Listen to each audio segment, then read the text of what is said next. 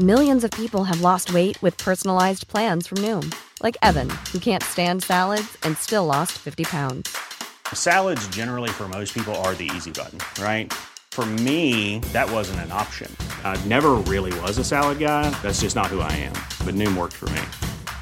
Get your personalized plan today at Noom.com.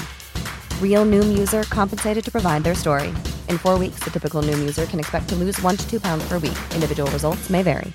I'm Sandra, and I'm just the professional your small business was looking for. But you didn't hire me because you didn't use LinkedIn jobs. LinkedIn has professionals you can't find anywhere else, including those who aren't actively looking for a new job but might be open to the perfect role, like me. In a given month, over 70% of LinkedIn users don't visit other leading job sites. So if you're not looking on LinkedIn, you'll miss out on great candidates like Sandra. Start hiring professionals like a professional. Post your free job on linkedin.com/people today. Det har vi ikke lykkes med i denne saken her, og det beklager jeg på det aller, aller sterkeste. Hvorfor er det sånn at alle toppledere slipper unna eh, bare de beklager seg og legger seg helt flate? Det skal det handle om i denne uken. Du hører på Tut og mediekjør, en podkast som tar deg med bak nyhetsoverskriftene for å vise deg hvordan nyhetene blir til. Er det bare tut og kjør i medienes redaksjoner, eller ligger det flere vurderinger bak journalistikken enn det du tror? Jeg heter Christian Lydemar Strander, og med meg som alltid Eva Sandum. Hei, hei. Hei, Og Svein Tore Bergstuen. Hei, hei. Hei. Eva Sandum, kommunikasjonsrådgiver. Si det, si det du skal si, bare så vi får det gjort for nye lyttere. Tidligere medlem av Pressens faglige utvalg, eh, som er pressens selvdømmeorgan, hvor de vurderer seg selv og sitt arbeid opp mot presseetikken. Ja. Kjempebra. Nå sitter den bra. Ja, nå syns jeg det sitter veldig bra. Ja. Kan ikke du også ta din uh, foredragstittel-intro? Jo, eh, jeg har da snart 25 års erfaring fra mediebransjen. Kjempebra. altså, ja. Tidligere journalist, nå forfatter, nå podkaster. Ja, ikke sant. Nydelig. Og Eva, eh, hva, hva, var ditt sånn, hva var ditt beste fag på videregående? På videregående eh, har alltid vært veldig glad i norsk, egentlig. altså. Fordi Eh, bare skrive. Ja, Så skolestiler. Du har en del sånn bra som du fortsatt en dag i dag kanskje er litt stolt av? Ja, men så eh, fant jeg vitnemålet mitt her om dagen, og til min store overraskelse så hadde jeg ikke så bra karakter i norsk, for det trodde jeg egentlig at jeg hadde. Jeg var ganske flink på skolen, hadde bra karakterer, men det var ikke fullt så bra i norsk. Det var, eh, jeg hadde faktisk noen sekser og sånn, men det var i helt andre fag, historie blant annet, og det er helt utrolig, for jeg har jo nesten ikke hukommelse. Så jeg har klart å pugge. Ja, Og så ja, fordi- alt det som jeg sa da under den muntlige eksamen i historie, Ja. det er glemt nå. Dagen etter eksamen glemt. Antakeligvis. Ja, ja men det kjenner jeg meg igjen i. Svein Tore, Ja, nå fag? fikk, nå fikk jeg litt vondt, for at eh, nå kom jeg, når du sa det, så kom jeg på akkurat det samme. Altså, Jeg hadde ikke ambisjoner om å bli forfatter den gangen, men jeg var glad i norsk, jeg var glad i å skrive, trodde jeg var god. Første stilen jeg får tilbake på gymnaset, tre. Altså, jeg ble helt Altså, nå, Jeg skjønner at tre er en ok karakter, så det er ikke det, men for meg var det ikke det. Du hadde jo andre ambisjoner. Du Ja, i skulle bli hvert fall i norsk. Og det gikk altså så trått, og jeg fikk det ikke til helt til eksamen. Da Da fikk jeg fem. Og da skyldte jeg jo selvfølgelig på læreren gjennom hele gymnaset. Så jeg har tatt hevn eh, ved å bli forfatter og bruke norsk som liksom, hovedverktøy i min jobb. da Før vi går til første sak, så må vi bare også si vi skal jo ha lytterspørsmål i dag. Eh, og så skal vi eh, kåre ukens verste spørsmål. Du har et på lager, Svein Tore. Ja, og Ja. det kan være litt forvirrende. Ukens verste eh, journalistspørsmål. Ja, Fordi. Hvis ikke så kan det høres ut som at vi skal ta et bytterspørsmål, så skal vi drite Ja, ut et nei, ja, den var veldig bra Men det kan presisert. fortsatt være eh, forvirrende, for at det, det er ikke sikkert det er fra uka. Det er bare Nei, nei. ukens, altså denne uken Det jeg har valgt denne uken som det dårligste spørsmålet. Ja, for det kan ok. vi, vi må finne et annet navn. Oss Men det kan vi ta vi skal i hvert fall ha spalten Et eller annet verste spørsmål. ja, Et Fra- dårlig spørsmål. Fra en journalist. Fra en journalist. Ok, Men aller først, sak én. Hurtigruten. Fordi jeg blir så irritert uh, over hva Hurtigruten har klart å få i stand. Jeg føler nesten at Hurtigruten har vært de som har satt i gang hele denne nye bølgen av smitte. Og alt det da de, eh, all den smitten som da viser seg å være om bord der, alt hva de sa de skulle gjøre for å unngå det, og alt det de ikke gjorde. Og det hele topper seg jo for meg når eh, konsernsjefen står og beklager og beklager. Men og, hva har det med journalistikk å gjøre, Christian? Nei, det aner jeg ikke. Jeg bare er så dritforbanna. Jeg er nysgjerrig på hva dere mener Jo, om nå skal jeg forklare deg hva det har med journalistikk å gjøre. For det er jo nettopp i møte med mediene at dette skjer. Altså Vi får jo vite om dette via Ja. mediene. Ja. Så hvordan journalistikken blir til, og hvordan blir den til i møte med sleipe toppledere som legger seg flat. Ja, Og ikke få hjelp av ah, kommunikasjonsrådgivere. Så dette kanskje. går innafor siden Fritt Ord har støttet uh, Tut og Mediekjør? Nettopp. Ja, fint. Ok, men da kan vi fortsette. Ja. Kjør på. Nei, fordi at jeg syns altså eh, konsernsjefen i Hurtigruten, Daniel Skjeldam ehm, han har helt tydelig vært på en, en eller annen skole hvor man da skal legge seg totalt flat. Uh, og han legger seg skole hvor flat. man legger seg flat? Det er så en skole, det. Og den heter Kommunikasjonsrådgivningsskolen. Nei, det er VK2, legg deg flat. Ja, VK2 i Kommunikasjonsrådgivningsskolen. Um, og, og jeg bare syns det er så urettferdig at han slipper unna med det òg. Ja, gjør han det? Ja, det føler jeg. Jeg har tatt med et klipp fra eh, Dagsrevyen 3. august, hvor da konsernsjefen er, eh, må svare for seg. Og så er det Ingunn Solheim som er programleder, og hun eh, stiller han dette spørsmålet om at eh, er, om det var sånn at Hurtigruten hindret at Hassel kommune eh, kunne sende ut en, eh, en melding om at det var covid-19-smitte på Hurtigruten. Ja, Skjeldam, Stemmer dette at Hurtigruten ikke ville at eh, Hadsel kommune skulle sende ut pressemelding om smitte om bord? Eh, Gjennom den saken her så, så har vi eh, erkjent at det har skjedd mange mange svikter hos oss. Eh, det gjelder både den informasjonen og informasjonsdelinga som har blitt gjort, den informasjonen som vi har gjort, eh, eller hatt tilgjengelig når vi har gjort beslutningene. Eh, vi har et ønske om å være så transparent som overhodet mulig. Det har vi ikke lykkes med i denne saken her, og det beklager jeg på det aller, aller sterkeste. Ja, Så, så det stemmer dette, altså? At det, det er forsøkt å holde denne informasjonen hemmelig? Det som stemmer, er at vi ikke har eh, forholdt oss til de standardene vi ønsker. Vi ønsker å være så transparent som overhodet mulig rundt alle ting. Eh, og eh, hadde vi visst det vi vet i dag, også i forhold til informasjonen fra FHI, som anbefalt å informere gjestene våre, så hadde vi ikke tatt den beslutninga som vi gjorde rundt det her. Det har i ettertid vist seg å være feil avgjørelse. Det erkjenner vi. Jeg som øverste leder tar ansvaret for det, uavhengig av hvor det har skjedd, hvem som har sagt hva. Eh, det her skulle ha ikke skjedd, eh, og det her må vi bare legge oss helt flat for. Dette er altså Daniel Skjeldam, konsernsjef i Hurtigruten. Og først og fremst, han svarer aldri ordentlig på spørsmålene. I spørsmålet som eh, Ingunn Solheim stiller her. Det er utrolig irritasjonsmoment. Dere som kommunikasjonsrådgivere, hva, hva er det han egentlig tenker med da?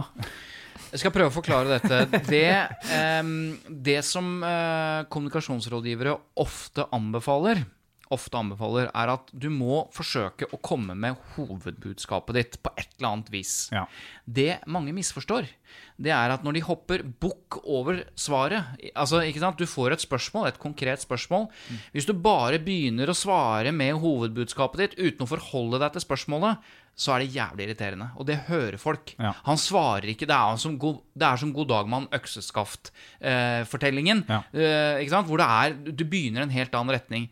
Så det du må huske på, det er at du må forholde deg til spørsmålet. Du må svare på spørsmålet på en eller annen måte. Og så må du gjerne da fylle på med det som er viktig for deg. Men feilen begås hele tiden, hvor det høres ut som de bare Er du liksom helt fjern, eller er du, ligger du, er du Tror du ikke folk hører at du nå ikke svarer på Det er jo, spørsmålet? det er jo så irriterende. Nettopp, så de Og glemmer derav- den biten, da. Og derav produktet medietrening i mange kommunikasjonsbyråer og PR-byråer. ikke sant? for eh, Det er jo et sånt skjellsord eh, i mediebransjen, vil jeg tro. eh, Blant journalister og sånn. Men ikke sant? medietrening handler jo da i stor grad om å øve seg på det. At du må svare på spørsmål, men lær deg å også sørge for da å komme inn på det du faktisk er litt opptatt av å få formidla. Fordi at det er ikke sikkert den muligheten kommer igjen. Tenk Nei. hvor mye bedre det var, hadde vært, da. Eh, Og det er derfor jeg irriterer meg over når journalister sier her har kommunikasjonsrådgivere vært inne. Ja, i så fall har det vært jævla dårlige kommunikasjonsrådgivere inne, da. Po poenget er at hvis Hør hvor deilig det hadde vært hvis han hadde sagt ja, det har du helt rett i. Så er det også viktig å si at når vi gjorde dette, og så kommer Ja. det vi kaller spinn, da Men du må forholde deg til Men det du hører at han ikke vil si, det er at han vil ikke bekrefte at de faktisk visste noe, lot være å gjøre det, eller til og med aktivt forhindret. For det er så pinlig. Men det spiller ingen rolle, for alle skjønner at du har gjort det likevel. Ja, Så og, hvorfor og selvfølgelig det som foregår oppi hodet hans, sannsynligvis, da, det vet vi ingenting om, det er jo at han som mange andre, når de står sånn og blir intervjua på nyhetene, vet at alt jeg sier nå, kommer til å bli sitert videre i Nettavisen, og hvis jeg bekrefter, så blir det en Så blir det overskrift. det, også... Også, ikke sant? Så hele tiden så foregår det masse sånn her Hvordan kan jeg avverge den og den saken uh, i fortsettelsen her? Det som irriterer meg mest, og hør her nå på hva han sier, ikke sant? Fordi Inge Solheim vil spørre for andre gang. Ja, så det var altså sånn at dere forsøkte å forhindre, rett og slett forhindre kommunen å sende ut dette her. For det skal hun ha. Hun gjør en god jobb i det intervjuet. Ja. Hun stiller ganske Selv om det stiller ja-nei-spørsmål, så er det greit her, for her er det avklarende spørsmål. Var, Gjorde dere faktisk dette? La, la oss da- høre igjen hva han sier, da. La oss høre hva han sier, for det er veldig interessant. Eh, Vi har et ønske om å være så transparent som overhodet mulig. Det har vi ikke lykkes med i denne saken her, og det beklager jeg på det aller, aller sterkeste. Så han sier altså at han ønsker å være så transparent, altså så åpen som mulig. Og så sier han dessverre har vi ikke lykkes med det. Hør på det! Det er jo helt snudd på hodet. Hvis du aktivt forsøker å hindre informasjon, så er det ikke bare det at du ikke har lykkes med å være åpen. Du har rett og slett gjort det motsatte. Du har lykkes med å være hemmelig. Ja. Og så har han sagt at han ønsker å være grenseløst ærlig. Ja. Og bare det at han bruker ordet transparent, og så bruker han også 'vi må snu hver stein'. Eh, og Han bruker også å legge seg flat i det intervjuet. Legge seg flat, og, og selvfølgelig beklager. Alt i alt så får jeg inntrykket av at eh, konsernsjefen i Hurtigruten, han slipper unna. Ja, og Jeg det, blir- tro- jeg tror at det kan være en Det er en Veldig irritert. Ja, det er en mulig tolkning av det, for det høres ut som han er sleit som en ål, og han slipper unna. Men en annen reaksjon på det intervjuet blant mange, det var nettopp det at han svarte så dårlig. Ja. Han svarte ikke på spørsmålet. Nei, det gjorde han jo heller og, da, ikke. og da kan man si, da slipper han ikke unna, for da blir han stående og se dum ut. Men her er det et viktig skille. Jeg synes det, er, det er jo bra at han beklager. Husk på Ja, det. det er bra Det- at han sier at her har vi gjort feil. Det er bra. Det er bra. Vi har gjort feil. Nei. Eh, vi legger oss flate. Det er i og for seg greit. Men problemet her er at de har gjort noe som er galt. Og så kommer det drypp hele tiden mer og mer om hva de faktisk har gjort. Sånn at det, blir hult, da. På mange måter. Mm. Ja, det er det. Og så kan ikke Det er ingen kommunikasjon i verden som kan på en måte erstatte riktig handling. For hvis du har aktivt forsøkt å hindre noe, så kan du ikke bare si etterpå at 'beklager, vi har ikke lykkes'. Da må du i så fall beklage at du har forsøkt å hindre informasjon. Men jeg skjønner at den sitter langt inne. Eh, og det skjønner eh, sjefen også, så han har jo også fått kritikk for å dytte dette ansvaret lenger ned. For det er åpenbart noen i organisasjonen som aktivt har forsøkt å forhindre denne fine, transparente holdningen som de skal ha. Så mens du murer deg inne i et mørkt rom, da, som det oppleves at noen gjør når det blir litt stille, og det har det vært i en god stund fra konsernsjefen i Hurtigruta nå, Daniel Skjeldam, eh, det er jo også at en kommunikasjonsrådgiver kan hjelpe med liksom, hva skal være budskapet, mens vi prøver å finne ut av situasjonen og få oversikt her. ikke sant? Fordi det, det er mange eksempler på at folk bruker litt tid, som har fått kritikk. Gard Steiro, sjefredaktør i VG, brukte ganske mye tid på å områ seg da Sofie Giske bar Vulkan-saken eh, eksploderte. Tok en del tid, de fikk kritikk. Se nå, nå trenger dere å bruke noen dager før dere kan gi et ordentlig svar i media, fordi at dere må få oversikt. Det er jo det mediene ofte blir litt irritert over når næringslivsledere ikke svarer umiddelbart, for de forventer og krever et svar. Og det samme kan man jo si om eh, denne rasismeuttalelsedebatten rundt Hans Gelmøyden, ikke sant? Som, eh, som når han endelig kom på banen og satt i en del debatter og sånn, så sa han også og det at det, Nå har jeg brukt, jeg husker ikke hvor mange dager det var, jeg, på å finne ut av hva som er problemet mitt, på en måte. Eller kjøle meg ned, Også, for den ja, saks skyld. og så liksom godtok ikke han at ja, det var vel vel lang tid og sånn, men poenget mitt er bare at eh, noen ganger så trenger jo folk litt tid på Mm. å finne ut av hva som er riktig å si. Sånn er det jo bare. Og det kan være smart, fordi at i det øyeblikket du går for, for fort på talerstolen, da, så har du ikke, du har ikke god nok informasjon. Så du må ende opp med dagen etter og si det jeg sa i går, det var visst ikke helt riktig. Ja. Og så blir du på en måte pressa fra skanse til skanse, da, fordi du rett og slett ikke har god nok informasjon, og så prøver du deg med å komme unna med den informasjonen du har. Og det jeg skulle si da, at eh, mens du venter på å finne ut av hva som er fakta, og hva du skal si, så er jo kommunikasjonsrådgiverrådet da kommuniser prosess. Mm. Det kan jeg ikke svare på nå, men det vi gjør nå, Ja. det er sånn og sånn og sånn, nettopp for å innhente den informasjonen. for uh, hva som har skjedd. Ja, men du må kunne svare på sånn sånn. Det Nå skulle skal jeg vi snu ønske hver stein, Det skulle jeg ønske at jeg Og kunne. transparent vil jeg jo være da. Og tenk å bare by Kan du ikke bare bytte ut det ordet, da? Det, det kan man ikke bare det? Det, det, det koster ikke mye. Det for- betyr bare for åpen. noen. Det betyr åpen. Og her kan man jo se på Unnskyld, Kristian. Nei, det var bare det at jeg, det er jo riktig å på en måte også si at jeg føler Det, har- det har jo skjedd ting. Jeg, det er jo ikke sånn at de har gått helt fri. Nå, har, nå ser jeg jo altså konserndirektøren i Hurtigruten for maritime operasjoner. Bent Martini han går jo nå ut av Ja, Han går midlertidig, Ja. trekker seg midlertidig. Det var han som nemlig hadde det operative ansvaret, Ja, antageligvis, ja. for han var til stede på båten. Og så skal det sies at VG hadde jo en leder hvor de, altså bare lederen i VG var et knallhard kritikk av Hurtigruten og toppsjefen. Mm. Eh, og, det, og det er vel ikke akkurat å komme unna når Norges største avis bruker lederen sin på å si at du har eh, gjort en forferdelig dårlig jobb. Og leder var- hadde også det. Og leder, hva Leder var det? er avisas egen usignerte kommentar og Ja. mening på side to. Som vi har snakket om Mm. eh, også en gang. Hva Ja. er det? Mm. Ja. Men det har jo skjedd flere ting i denne saken nå, eh, Svein Tore. Ja, det er jo blitt sterke reaksjoner og blitt brukt ganske sterke ord mot, eh, mot Hurtigruten, naturligvis. Ikke bare i lederartiklene, men, men politisk også så reageres det voldsomt. Helseministeren har vært veldig tydelig Ja, på Erna er jo skuffet. Erna er Skuffet og opprørt. det er og det er jo ikke noe en helseminister sier eh, når som helst, det, altså. Nei, og så er det litt ekstra fordi at eh, Hurtigruten jobbet jo voldsomt for å få dette cruiseturismen i gang igjen. Og hadde Ja. god kontakt med myndighetene og sa vi har kjempekontroll og vi er sånn Stark og sånn. pådriver, ikke sant. Les bl.a. en lang artikkel i Filter Nyheter hvor de, hvor de virkelig går gjennom hele den korrespondansen som ledet opp til at dette ble satt i gang igjen. Ja. Og da, Ja. når dette går gærent, og de gjør så mye feil, så blir politikerne forbanna. Men jeg har lyst til å bare ta én ting eh, før det. fordi det som også har skjedd, er at de, de eh, i denne transparente kulturen som Hurtigruten eh, eh, så har du jo rett og slett eh, gitt beskjed til alle eh, som er eh, på båten, og alle som jobber i Hurtigruta. Får ikke lov. Må ikke snakke med media. Ja. Som blir oversatt til at alle ansatte har fått munnkurv, da. Ja, det er det er Klassekampen som, som skriver dette. Ja. Er det vanlig for en, et sånt stort bedrift som det, når det er kriseting? Ja, så det er jo det vi må Vi må liksom huske på at eh, Hurtigruten er jo en pri privat bedrift. Ja, Det er ikke så lett å Det er noe jeg glemmer, ja. Ja. Ja, Du tenker at det var staten Ja, ja. Ja, ja. ja. Det er veldig, Også, det, Det er veldig som- norskt. veldig norskt, ja. Det var litt interessant, for at eh, Arne Jensen, som er leder i Redaktørforeningen da, i pressen, eh, han var jo da ute og reagerte sterkt på dette her, fordi at liksom, å gi ansatte munnkurv, det var grunnlovsstridig, var, mente han.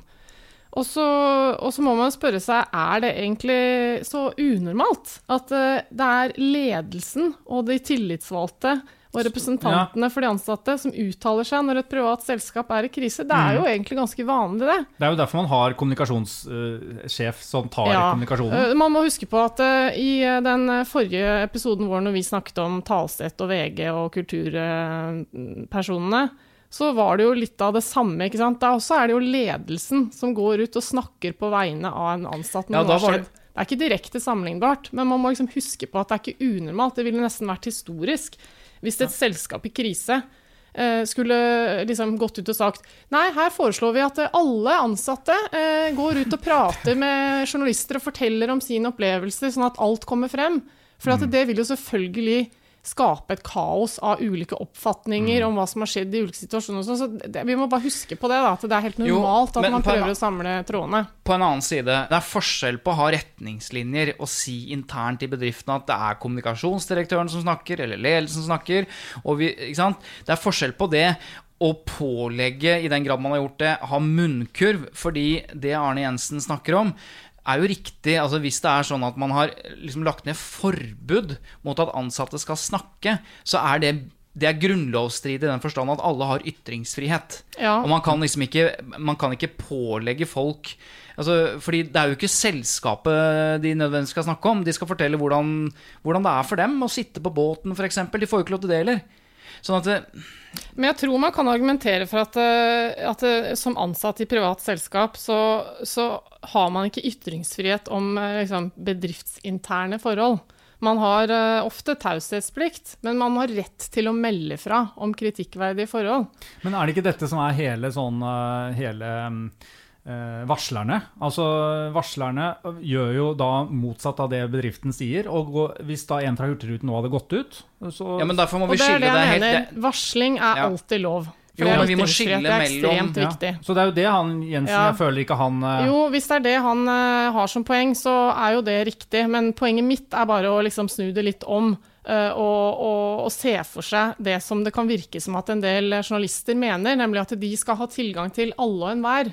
At Ja. det er liksom ytringsfrihet, sånn at alle som eh, har vært på jobb eh, eh, i Hurtigruta skal når som helst, liksom, uten at det skal være noe problem, kunne uttale seg til journalister om sin opplevelse og sånn. For det er det journalister vil jo ha åpenhet, og det er jo superviktig og bra. Men det er forståelig at uh, i en situasjon som er nasjonal krise, at uh, ledelsen i et privat selskap ønsker å å, å liksom innhente informasjon, sørge for at det som kommer ut nå er riktig, sånn at ikke en eller annen fyr som har vært på jobb, og en annen dame som har vært på jobb, sitter jo Ikke sant? Men, Ja, men la, oss bare, la oss bare rydde opp i et par ting her. Eh, Jeg er enig i at det er et paradoks eh, altså Ref den saken vi snakket om, som du nevnte, Eva, i forrige uke, der journalisten som er kritisert i denne saken, musikkjournalisten i VG, så vil ikke han snakke. Og det er en selvfølge for redaktørene i VG at eh, det er de som uttaler seg på vegne av han. Og så når man snur det så, i denne saken, eh, så blir det litt eh, rart, da. Når pressen går ut og sier at dette er grunnlovsstridig. Men det er grunnlovsstridig i den forstand at Ta et eksempel, da. Hvis det kommer en journalist og skal snakke med en ansatt i Hurtigruten som sitter på båten Hei, jeg heter kan- Christian, jeg vil gjerne snakke med deg nå. Nettopp. Eh, så kan ikke den ansatte uttale seg Man kan ikke bryte lojalitetsplikten man har overfor bedrifts Kall hemmeligheter eller internanliggende ting, da. Men man kan uttale seg til media på egne vegne om hvordan man syns det er å sitte på båten. Man kan komme med kritikk av ledelsen. Man kan gjøre Det er jo ikke brudd på Man gir ikke da interne liksom, eh, informasjon om selskapet. Det, det er jo der skillet går. Det, at man må kunne for, snakke med media i alle sammenhenger. Men man kan ikke avsløre ting man har skrevet under på at man ikke skal avsløre. Nei, nei. Men jeg, jeg syns Ja, unnskyld. Nei, altså, media ønsker å få informasjon. Og så blir de kritisert i tillegg eh, fra de ansatte at eh, de har ikke Jeg leste i DN i går, tror jeg det var, at eh, eh, de ansatte har ikke fått noe mer informasjon enn oss. Altså, Nei, mange der- ansatte som klager da over at de ikke får Unnskyld. Mm. Der oppstår problemet. Når informasjonsflyten internt er dårlig, da blir behovet for å snakke med media større. Ja, det er det. Men jeg skal bare uh, si en ting til før jeg glemmer det da. Uh, for jeg er jo litt glemsk. At, at uh, Ja, nå har jeg allerede glemt det. Jeg tenkte på det! Nå er du i ferd med å glemme det det som du alltid hadde tenkt å si. Det er jo det som skjer. Ok, men mens Jo, du ja, okay. Nå husker jeg det. Ja. Nei, nå har jeg glemt det. Nei, nei. eh, at, eh, ja, og så blir eh, de mer frustrerte fordi de får lyst til å snakke med media når de ikke får noe informasjon. Men så, er, så ser jeg Nå prøver jeg å ta den andre siden. Bare sånn at vi ikke skal sitte her og bare kritisere Hurtigruta. Og det er da Hvordan skal eh, Hurtigruta informere sine ansatte i den situasjonen her. For at, uh, det, er ikke, liksom, det er ikke en bygning nede på Skøyen hvor det sitter 90 mennesker, og det kan ha et allmøte og lukke alle dørene og alle skru av telefonen. Dette er folk som jobber rundt på båter og rundt omkring. Ja, nå er du redd for lekkasjer, du. Selvfølgelig er Hurtigruta redd for lekkasjer, Ja. tenker jeg da. Så det er ikke noe Konsernsjef Eva Sandum det er ikke noe unnskyldning, men jeg må bare prøver å se det for meg. For at, eh, jeg leste den artikkelen og tenkte ja, det er jo ikke bra, det er jo dritdårlig at det har vært dårlig informasjon. Ja. Men samtidig, hvis de sender fellesmailer, den går jo rett i VG Jo, men- eller en men- annen redaksjon nei, med en gang. Jo, det Nå gjør må jeg den. protestere. Ja, Nå men må jeg gjør det, da. protestere. Hvor mange ganger har vi ikke sett det? Jo, men det er jo nettopp derfor at man alltid i enhver bedrift, om det er, jeg mener om det er 10 eller 50 eller 3500 Det handler jo ikke om å hele tiden sørge for eller beskytte den informasjonen fra offentligheten. Man må sende ut interninformasjon først internt. Så må man ta høyde for Ja. at all den informasjonen man sender internt, også er eksternt. Så her handler ikke Jeg mener jo det, da. Det er viktig å bare Du må gi ansatte beskjed. Så vil jo dette tilflytte media. Det er greit. Men du må, du må anse all informasjon som du sender internt, som potensiell ekstern.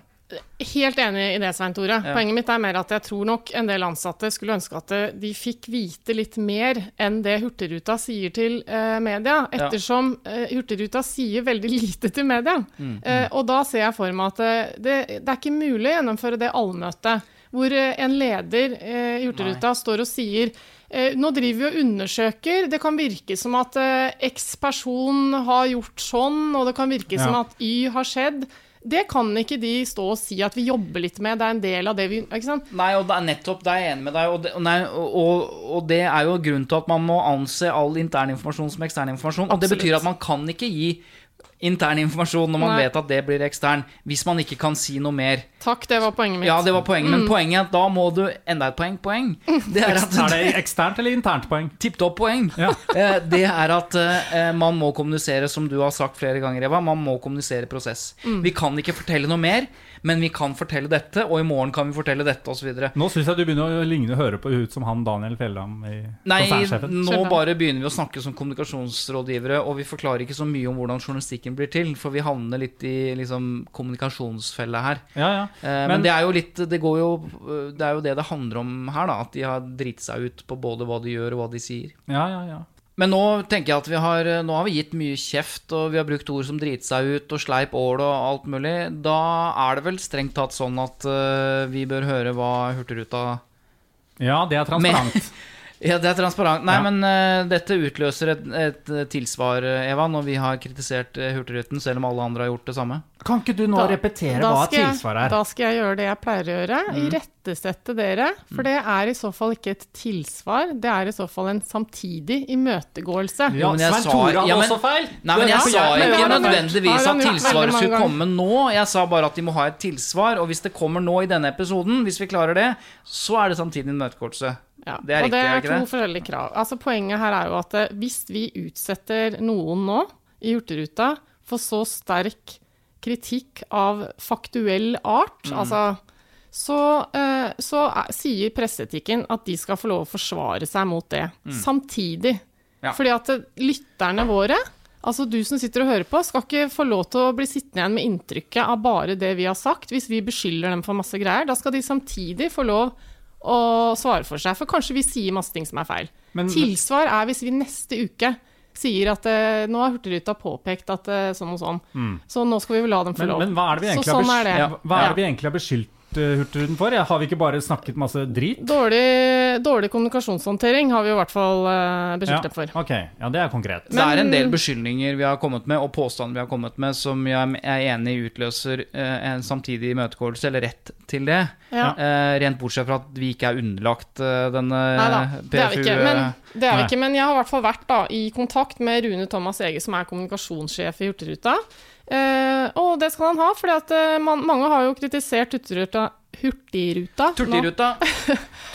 for, å, for å gjemme seg litt sånn inn i et mørkt rom. Og han har i hvert fall vært veldig eh, å si, på tilbudssida og prøvd å svare så godt han kan eh, til meg, men han er tydeligvis veldig opptatt, da. Ja. Eh, Det ringer sikkert nonstop i den telefonen og sånn.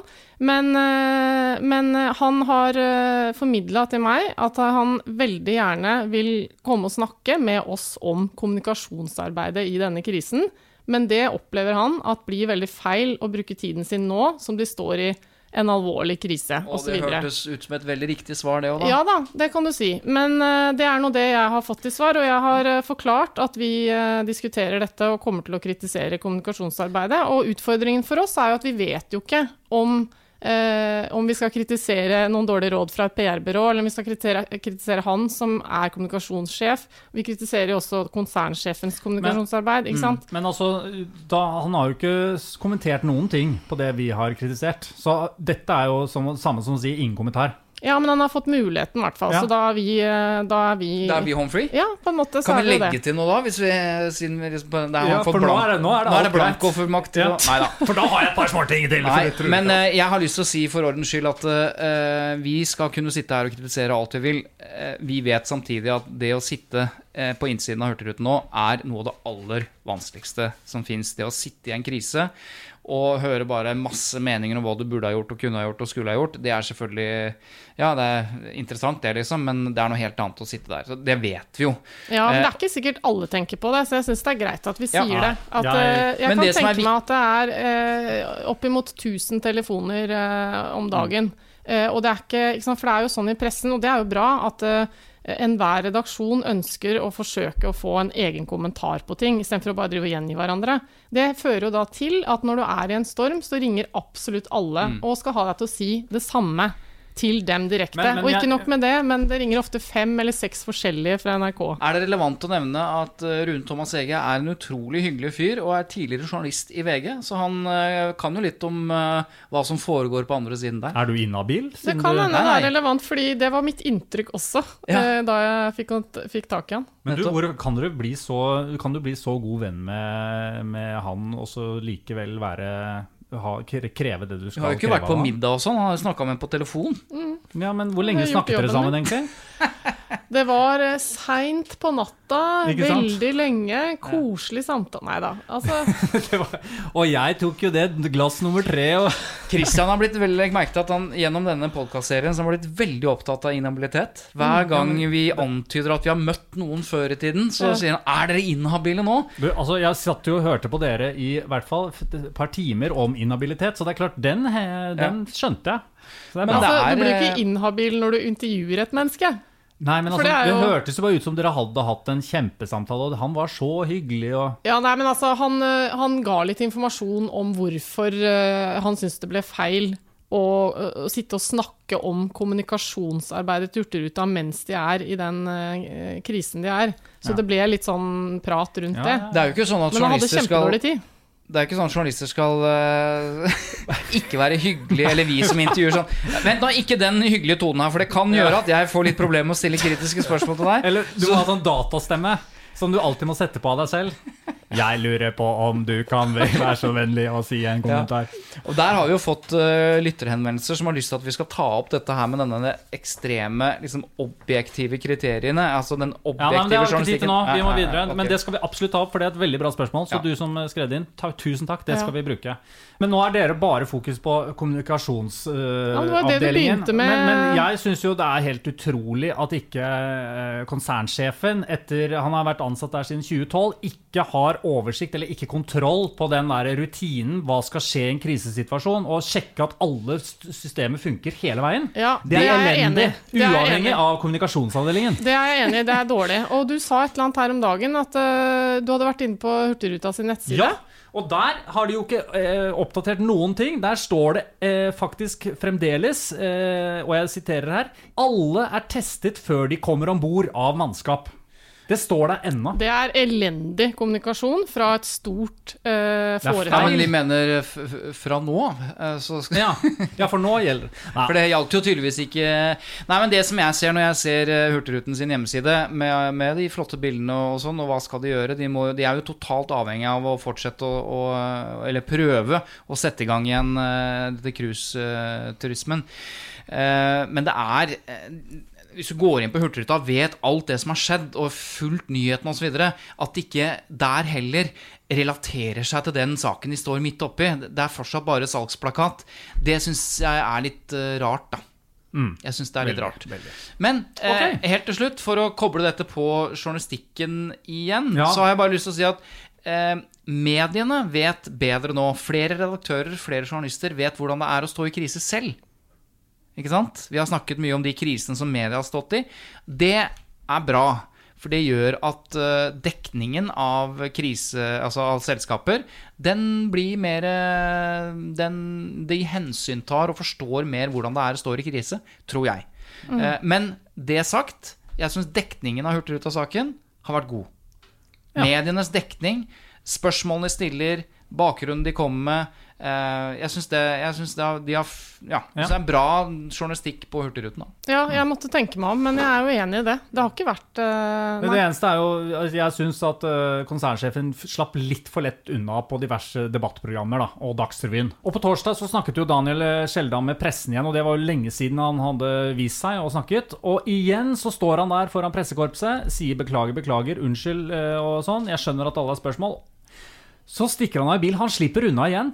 Ja, Der er jeg nok mer enig i at han uh, slipper unna enda mer, fordi der har han noen kontroll selv. Altså, han Ja. står ikke i et studio, så han kan bare reise. Han, han, uh, han kommer og sier igjen 'beklager', men det er mange spørsmål vi ikke kan besvare.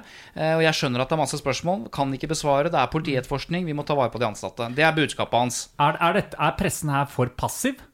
Eller er det han som bare De kan, er ikke for fysisk, de kan ikke fysisk holde han igjen. Nei, jeg, så, jeg nei så det klippet. De prøvde veldig å bryte av og stille spørsmål mens han snakket og sånn, så noen kunne sagt at eh, de nesten var frekke, men det er forståelig nå, da, når han endelig kommer etter så lang tid. Men eh, de prøvde, de. Og det, Ja, dette okay. er en ja. kjempevanskelig balansegang. For at på den ene siden så er det så stort informasjonsbehov og så trykk at, eh, at eh, man kan kritisere eh, Hurtigruten for, i det hele tatt, eh, for, at de ikke er til stede, for at de ikke viser seg. Eh, og da kan man tenke ja, nei, men da gjør vi det. Da møter vi pressen. Og så er det jo sånn, som Daniel Skjeldam sikkert sier riktig, det er masse spørsmål de ikke kan svare på nå, av ulike hensyn. Men han har likevel lyst til å møte pressen for å vise at ja, men vi er ikke, vi har ikke gått under jorda, og så videre. For det har Men- han jo fått kritikk for. men så oppstår den situasjonen da, at når han først møter og ikke kan svare, så blir det jo kritikk da, ikke sant? For at da svarer han ikke på, da bare stikker han av. Så- do, Så jeg syns dette er vanskelig også fra et kommunikasjonsståsted. Jeg uh, er jo tilhenger av en veldig åpen uh, og imøtekommende Transparent. Transparent, om gjerne, gjerne det. Eh, men det, det gjør også at sånne situasjoner blir vanskelig. Ja. Her hadde det vært mer bekvemt og enklere. Du hadde sluppet det oppslaget og klippet på NRK om at han stikker av i bil, hvis han bare ikke han hadde møtt Trump, hvis bare man, går. Ja, hvis man ikke hadde møtt pressen. Ja. Men da kunne kritikken kommet gjennom at da, nå er det enda lenger siden han ikke har møtt pressen. Så dette er kjempevanskelig, altså. Ja. Han skulle liksom, eh, Istedenfor bil skulle han liksom, eh, i hvert fall hoppet om bord i en båt og tøffet av gårde utover. Jeg har jo Altså, tatt sparkesykkel, Fordi Ja, da, sånn, bare- da kunne han sagt ha det på veien. Og liksom Ja. vært mer eh, ja. Eller sykkel, jeg vet ikke. Hvor, ja, kanskje ikke transportmiddel hadde vært avgjørende her. Sånn derre tråsykkel hvor han måtte legge seg ned. Det var trå av gårde. Nei, dette her eh, Jeg tror alle som er ledere, i hvert fall. Uh, og det er ikke så mange. Men alle som er led toppledere, de, de tenker, ser på dette og tenker Jeg er veldig glad at jeg ikke er i hans sko og i hans bil. Eller Ja. på hans sykkel akkurat nå. Ok. Nå sitter de og jobber med hvordan dette skal føres videre. Og hva tror du, Svein Tore? Jeg tror at uh, sjefen fortsatt uh, vil sitte. Uh, fordi han har skapt ekstremt store verdier fra han kom til, han, til nå. Ja, For det interessante er at før dette skjedde, så hadde han et rykte for å være en veldig god eh, altså leder også innenfor kommunikasjon. Ja, han gikk på vannet han fra Ja. foredrag til foredrag og fortalte om eh, hvor eh, ekstremt eh, mye de hadde gjort og riktig. Og han, og han har liksom kritisert PR og mediebransjen og reklamebyrå, for han syns på en måte de driver med mye tull, mens de i Hurtigruten har Mm. Ja, bygd opp egne avdelinger å. Mm. for å drive med dette. Så det er, det er jo noen som har antydet at liksom litt sånn hybris-takter her. At liksom eh, untouchable og kjempesuksess, og så plutselig kommer en krise, og så tryner i. Eh, Og sånn er jo på en måte dynamikken da, i, i, i livet for øvrig. At eh, høyt oppe, Mm. langt nede. Jeg tror vi går videre nå. For du har eh, rotet og krafset nedi innboksen vår, Eva. Ja, Ina Kristin sendte oss et spørsmål på Facebook-siden vår Tut og mediekjør. Det er veldig hyggelig at folk engasjerer seg der. Veldig gøy. Fortsett med det. Eller du kan sende inn på tut-krøllalfa-lydeproduksjoner.no. Ja. Hun uh, spurte hvordan kan vi som lesere bidra til at det blir mindre clickbait-saker. Ja. Da svarte du for så vidt på Facebook. Det var litt av et spørsmål, Ina. Det svarte du da, Eva. Som vi skal tygge på, skrev jeg vel da. ja. Eh, og, og så fortsatte jeg, da, som jeg da kan gjenta her, at uh, det åpenbare er selvfølgelig å ikke klikke på det som Ja. er dårlige saker. Men da- det er en no-brainer. Eh, og så er det jo da at eh, man må engasjere seg mer i det man mener er god journalistikk, selvfølgelig. da. Altså, Men bare, bare, for å, bare for å skyte inn litt før du fortsetter nå. Hva er Kan vi snak, si noe om eh, Hva er det som er negativt med clickbait-saker? Egentlig Er ikke det bare en positiv ting? For det, det gjør jo at det, det gjør jo at jeg eh, får lyst til å lese noe. altså Det som jeg tror er et stort problem med klikkhoreri i, nettaviser, nettaviser, er jo at eh, det går utover respekten og tilliten til eh, mediene. Og grunnen til det er jo at eh, hvis man har en forsidesak eh, som er en sånn clickbait, altså hvor du når du Lokker. deg inn, og når du da går inn, så føler du deg lurt, fordi det var liksom ikke det du trodde det var, så kan du sikkert noen ganger akseptere det, men når det skjer veldig mye i et medie, så tror jeg folk blir litt sånn åh, nå er jeg så jævlig lei av at uh, f.eks. Dagbladet, som jeg hører veldig mange si, eh, at det har mye sånne overskrift, eh, altså tabloide overskrifter. Svein Tore, er- irriterer du deg over dette òg? Grenseløst. Og Ja. når du nevnte Dagbladet eh, Dagbladet har en måte å presentere ting på, en form, eh, som jeg fair, de har valgt det, hvor overskriftene er ekstremt korte. Gjerne bare ett ord eller tre ord. ikke sant? Så det er umulig å forstå sammenhengen. Har du noen eksempler? Jeg irriterte meg senest for noen dager siden da eh, NRK kom med nyheten med en ny podkast med Harald Eia, samboeren, som forteller en ekstremt eh, trist og tragisk eh, fortelling, men som er kjempeviktig å fortelle, bare så det er sagt, om at de mistet eh, barnet sitt etter, etter, altså, etter at barnet var født, bare noen måneder. Og da er jo Og dette skjedde for et år siden, ikke sant? Og da syns jeg alle behandlet det på en veldig sånn fin måte. Eh, og da kom det overskrifter. altså Da tenker jeg overskrifter på selve nettavisene som 'Åpen om sønnens død'. 'Snakker ut om tapet av sin lille sønn', osv. Mm. Men én nettavis eh, liksom gjorde noe annet. De skrev bare 'mistet sønnen' Ja. og bilde av Harald. Eia. Og da, for meg, og dette er ikke noe sånn liksom det verste eksempelet, men for, det er Du lurer folk da til å tro at nyheten er at han har mistet sønnen. Altså en nyhet, altså at det har skjedd nå. Det er en nyhet. Mistet sønnen. Ja, ja. Nyheten er altså ikke det. Nyheten er at de velger å fortelle om tapet, med alt det innebærer og, og, og så videre. Og det, det skriver alle andre enn Dagbladet. De, eh, og det mener jeg eh, det er en sånn clickbait.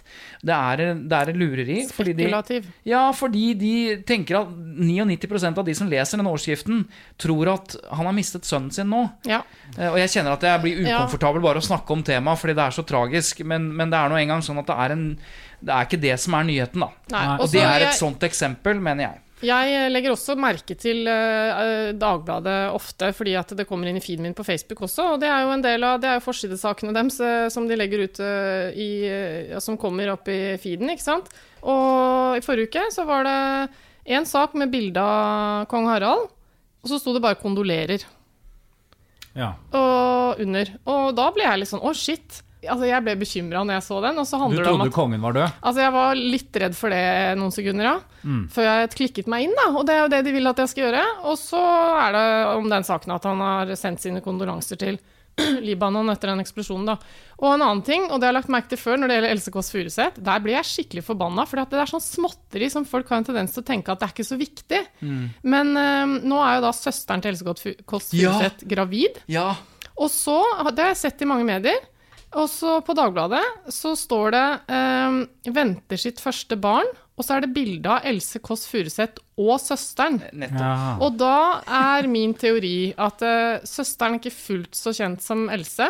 Så kanskje de velger å ta med Else i bildet for å liksom gjøre det litt mer kjendisfokusert. Men det er jo også en mulighet for at man lurer på er Else endelig gravid? For det har hun snakket åpent om, at hun har liksom kanskje gitt litt opp at det kommer til å skje. Ja, ja, ja. ja. Og, og det er sånn spekulativt, syns jeg.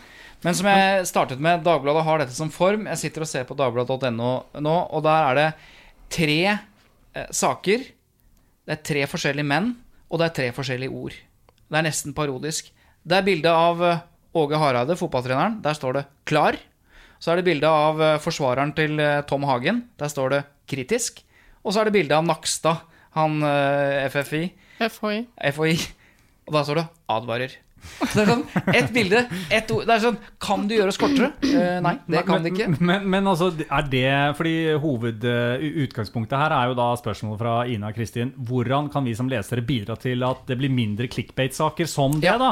Men, men, bare sånn, men bare sånn For jeg vil jo Bare ett ord. Mm. Klar. Er, det, er det så veldig triggende for en klikk for meg? Altså klikk? Det kan være det, fordi hvis du er eh, litt interessert i personen på bildet, Ja. så lurer du på hva er han klar for. Og okay. da må du rett og slett klikke inn for å vite det. Mens i andre medier så står det 'klar for, uh, for eh, kampen mot sånn og sånn'. Ja. Og da du får kanskje du ikke. og da gidder du kanskje ikke å, å klikke inn. Så det er en måte Dagbladet har valgt seg å skrive så lite som mulig overskrift, og være så av og til så tendensiøse de bare har mage til, for at vi skal klikke inn. Ja. Men spørsmålet var hvordan Hvordan unngå det? Hvordan, Og- øh, hvordan øh, Først og fremst da, eh, vil jeg berømme Ina Kristin for hvordan hun formulerer sitt spørsmål. For jeg syns det er utrolig bra at hun da eh, impliserer at eh, Heter det det? Impliserer? Ja, At det ligger implisitt i spørsmålet, Ja, i hvert fall. så indikerer, ja, tror jeg ja, egentlig skulle ja. si. At leserne har et ansvar. Ja. Og det liker jeg. Eh, Hva slags ansvar har vi? Nei, altså det er det hun spør, da. Hva kan vi bidra med? Ja, det hun. Og så tenker jeg at eh, jo, først og fremst eh, kan du bidra til å abonnere på de nettavisene som du syns gjør en god jobb, og kanskje ikke lager så mye sånn clickbait. Da. Det er jo liksom en A1-løsning, sånn første du kan gjøre. Um, Og eh, som du nevnte, la være å klikke, selvfølgelig. ja, la være å klikke. Fordi at uh, det som kanskje ikke absolutt alle tenker på, er at grunnen til at de driver med sånn clickbait-journalistikk, er jo fordi de må få klikk inn på saker, fordi da er det mer annonsørinntekter ikke sant, av at uh, flere annons annonser blir eksponert. Bare sånn at det er, ligger der, da. Ja. Og så, øh, er det jo selvfølgelig at uh, disse tingene kan du gjøre, men det kommer jo ikke til å forandre verden, dessverre. Uh, at du velger å abonnere på de seriøse avisene og ikke gå inn på Dagbladet og, hvis du syns det er noe dritt og sånn. Men, men det er også det at det si fra. Ja. Fordi at Ja. mediene og leserne må jo ha en dialog. Eh, og jo mer leserne protesterer, jo, jo mer, desto mer blir jo mediene nødt til å forholde seg til det, og det syns jeg faktisk mer enn har blitt mye flinkere til i Men hvor i all verden skal man si Det fra, er da? det, Jo, men da kan jeg la kurs 1-2-1-2-0. Altså, jeg gjør jo dette hele tiden. Sier ifra. Sender mail, ringer. For eksempel så hadde jo nrk.no en sak om at det så ut som Trump skulle forby TikTok. Det viste seg at han skulle forby transaksjoner i TikTok. En utrolig villedende overskrift. Så jeg sendte mail til journalisten. Dette er jo helt eh, ikke sant? Fikk svar. Eh, De tok diskusjonen. De endret det. Eh, Denne saken oppsto egentlig hos NTB som vi har snakket om tidligere, veldig seriøst. De trenger jo ikke clickbaits allikevel. Så skrev de samme overskrift.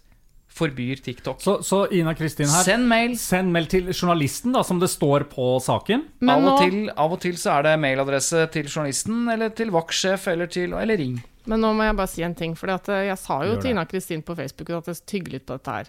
Og Ja. det er et godt råd å protestere når man syns det er noe som er dårlig. Men så gikk jeg inn på Google og skrev 'klage til Dagbladet' for å se hva som kom opp. Mm. Resultatet der er bare sånn eh, altså redaksjonelle saker om klager, og det er ikke noe god link til noe sted hvor jeg kan klage til Dagbladet. Prøvde det samme på VG. Litt bedre. Du kommer inn til noe til noe underside hvor det er liksom kundeservice og kun Men der er det i hvert fall sånn at hvis du leter litt, så kommer du frem til en oversikt over alle de ansvarlige i VG, og så kan du klikke på, da får du mailadresse og sånn. Det fant jeg faktisk ikke på Dagbladet i det hele tatt. Jo, Dagbladet, Hvis du går helt i bånn av Dagbladet, Nettopp. så helt i bånn så ligger det samme. Og der, i motsetning til faktisk andre, så ligger også vaktsjef. Og for folk som ikke vet hva det er altså, Det er forskjell på ansvarlig redaktør Alexandra Beverfjord, som er ansvarlig for alt, som jo ikke kommer til å svare på den mailen akkurat sånn i neste øyeblikk. Men over der så står det vaktsjef Jesper Nordahl Finnsveen. Han er da vaktsjef for Dagbladet.no nå. Og da er du litt nærmere mål. Ja. Men, eh, og det er flere av dem som har det nederst, da, men poenget mitt er vel egentlig det at dersom uh, medier ønsker å åpne opp litt mer da, for dialog, og jeg tror grunnen til at de ikke gjør det, er at det krever masse tid å skulle sitte og ta masse telefoner. Ubehagelig for dem at Ja, de sitter og er forteller det at de skal skrive mail til Jeg forstår det, men det er noe med liksom, Det skaper jo tillit, det òg, da. Det, det som er mitt konkrete forslag, er jo at alle nettaviser burde ha et enkelt sted som folk finner lett frem til, hvor de kan sende inn Det er noen av dem som har det, tror jeg. Eh, sende inn sånn noe du, de har lyst til å klage på, så blir mer en sånn chat-aktig funksjon som går til noen som faktisk forholder seg til det. Da. Det er jo et kapasitetsspørsmål, selvfølgelig. Selvfølgelig er det det, de men det er mye som er det. Det er Ja. et kapasitetsspørsmål at ikke Hurtigruta svarer på kritikk nå. ja. Det er det jeg mener, at det, liksom, det handler jo om å være åpne og, og høre på sine viktigste kunder, da. Ja, og det kan hende det er mer fornuftig bruk av tid på sikt å lage én eh, mindre clickbait-sak om tull og tøys, og bruke den tiden på å kommunisere med leserne sine. Kan jo hende. Okay. Nei, men du, da er det også eh, tips, eh, Ina Kristin. Skriv inn, si ifra til eh, den saken, til den journalisten eller til vaktsjefen som har eh, ansvar for den saken du er irritert deg vanvittig over, er en klikksak. Men først og fremst ignorer, ignorer klikksakene. Ja. Fordi Ja, vi nordmenn klikk. får det vi ber om. Og hvis vi klikker, så fortsetter de med det. Fordi alt måles. Da er vi klar for eh, ukens verste spørsmål. Ja. Og det er eh, Svein Tore, du står for den. Ja, som regel gjør jeg det, men eh, jeg har, jeg har endret spalten. uh, for å skape Ok. eh, større dynamikk og større frihet. Det skal handle om et spørsmål. Men det kan være kjempegodt for å illustrere metodikken bak. Og det kan være kjempedårlig. Det, det der høres ut som du egentlig ikke har funnet noe verste spørsmål denne uken. Nei, men jeg har funnet noe. Har du det? Ja. Det er det, vet du. Jeg har et fantastisk spørsmål fra en journalist fra denne uken. If you thought the only way to get a more defined jawline with natural looking results was through surgery, think again. Juvederm Volux XC is a non surgical injectable gel filler that improves moderate to severe loss of jawline definition and can help you achieve natural looking results with little downtime. Even better, this improved definition lasts up to one year with optimal treatment. No maintenance required. Improve jawline definition for a smooth, sculpted look with Juvederm Volux XC. For important safety information and to find a licensed specialist, visit juvederm.com. That's J U V E D E R M.com. Not for people with severe allergic reactions, allergies to lidocaine, or the proteins used in Juvederm. Common side effects include injection site redness, swelling, pain, tenderness, firmness, lumps, bumps, bruising, discoloration, or itching. There's a risk of unintentional injection into a blood vessel, which can cause vision abnormalities, blindness, stroke, temporary scabs, or scarring. Talk to a licensed specialist to find out if it's right for you. Hey, it's Ryan Reynolds, and I'm here with Keith, co star of my upcoming film, If, only in theaters, May 17th. Do you want to tell people the big news? All right, I'll do it. Sign up now and you'll get unlimited for $15 a month in six months of Paramount Plus Essential Plan on us. Mintmobile.com slash switch. Upfront payment of $45 equivalent to $15 per month. Unlimited over 40 gigabytes per month. Face lower speeds. Videos at 480p. Active Mint customers by 531.24 get six months of Paramount Plus Essential Plan. Auto renews after six months. Offer ends May 31st, 2024. Separate Paramount Plus registration required. Terms and conditions apply if rated PG. Så da blir det ukens beste spørsmål. Fantastisk hvordan denne podkasten bare vingler og svever og blir, utvikler seg. Ja, det er nydelig. Ah. Ja, vær så god, Eva. Ja. På mandag, tror jeg det var, så stilte eh, programleder Sigrid Solund i Dagsnytt 18 spørsmål til den nyansatte Equinor-sjefen Anders Opedal. Ja. Eh, På slutten av et langt intervju der hun hadde liksom spurt han om fremtidsvisjoner og samfunnsansvar og klimafokus og alt mulig sånn, ikke sant? Og så, og så er hun inne på og viser til at han eh, driver med mm, Altså reiser mye, har hatt mye ansvar og en eh, krevende jobb i lang tid og sånn. Og så spør hun Du har jo også en familie hjemme, du har kone og tre barn som riktignok begynner å bli store, men du har jo vært toppleder i mange år, sikkert mye reising, sene kvelder. Hvordan har du klart å kombinere det med familielivet? Ah, det er så bra. Det er, det er fint. Ja, men det er så bra av så mange grunner, selvfølgelig. Selvfølgelig, for poenget mitt er jo at hun stiller det til en mannlig toppleder. Mm. Vi er jo så vant til Ja. at dette spørsmålet får alle kvinnelige toppledere. Ja.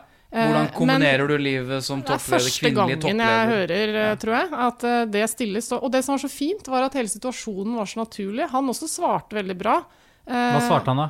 Nei, at eh, Jeg skal innrømme at det er ikke, det er ikke lett. Og det er delte meninger om hvor godt jeg har klart det, selvfølgelig. Blant hvem? I familien. Eh, Men, eh, men jeg har en familie som støtter meg og er, veldig, er, veldig, er veldig greie med meg. det var ikke noe sånn at de lo av at han fikk spørsmål og sånn. Det, det var veldig naturlig. Og så var det et åpent, nøytralt spørsmål. Hvordan har du klart å kombinere? Og da må han jo Det var det faktisk også. Ja, et det er veldig et godt fantastisk spørsmål. spørsmål. Det må jeg bare si. Sigrid Solund eh, og Fredrik Solvang er blant de aller ypperste, ikke bare som eh, programledere og profiler, men legg merke til hvor ofte de stiller åpne spørsmål Mm. i forhold til veldig mange andre. Og legg merke til at jeg brukte uttrykket 'i forhold til' på korrekt måte. Ja, fordi at det, Oi, Fordi hun, hun spør hvordan har du hun, Bare for å gjøre det tydelig, da. Hun spør hvordan har du klart å kombinere det, istedenfor å spørre har det vært vanskelig, f.eks. Ja. Mm. Og det Nei, dette her eh, Dette var gull. Ok, dere. Eh, tut og mediekjør er over for denne gangen. Som vanlig laget av Lydproduksjoner. Eh, Eva Sandum, Svein Tore Bergstuen og jeg heter Christian Men du, det er en ting til jeg skal gjøre. Ja. Kjære lytter. Vennligst abonner på denne podkasten dersom du liker den. Vi er Mm. avhengig av å ha faste lyttere. Som er deg. Klikk inn der du hører podkaster, og abonner eh, på oss. Og bruk gjerne ti sekunder av din tid til å anbefale oss videre. Det hadde vært veldig hyggelig. Takk. Takk. Så høres vi igjen neste lørdag. Det gjør vi. Send Tore. Ha det! Ta opp mobilen.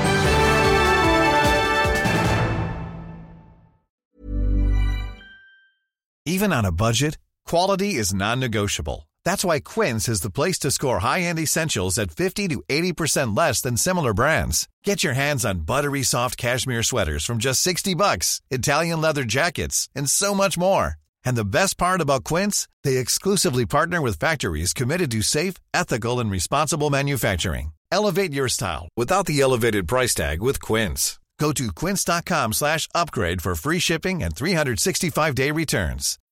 When you need mealtime inspiration, it's worth shopping Kroger, where you'll find over 30,000 mouthwatering choices that excite your inner foodie. And no matter what tasty choice you make, you'll enjoy our everyday low prices, plus extra ways to save, like digital coupons worth over $600 each week. You can also save up to $1 off per gallon at the pump with fuel points. More savings and more inspiring flavors make shopping Kroger worth it every time. Kroger, fresh for everyone. Fuel restrictions apply.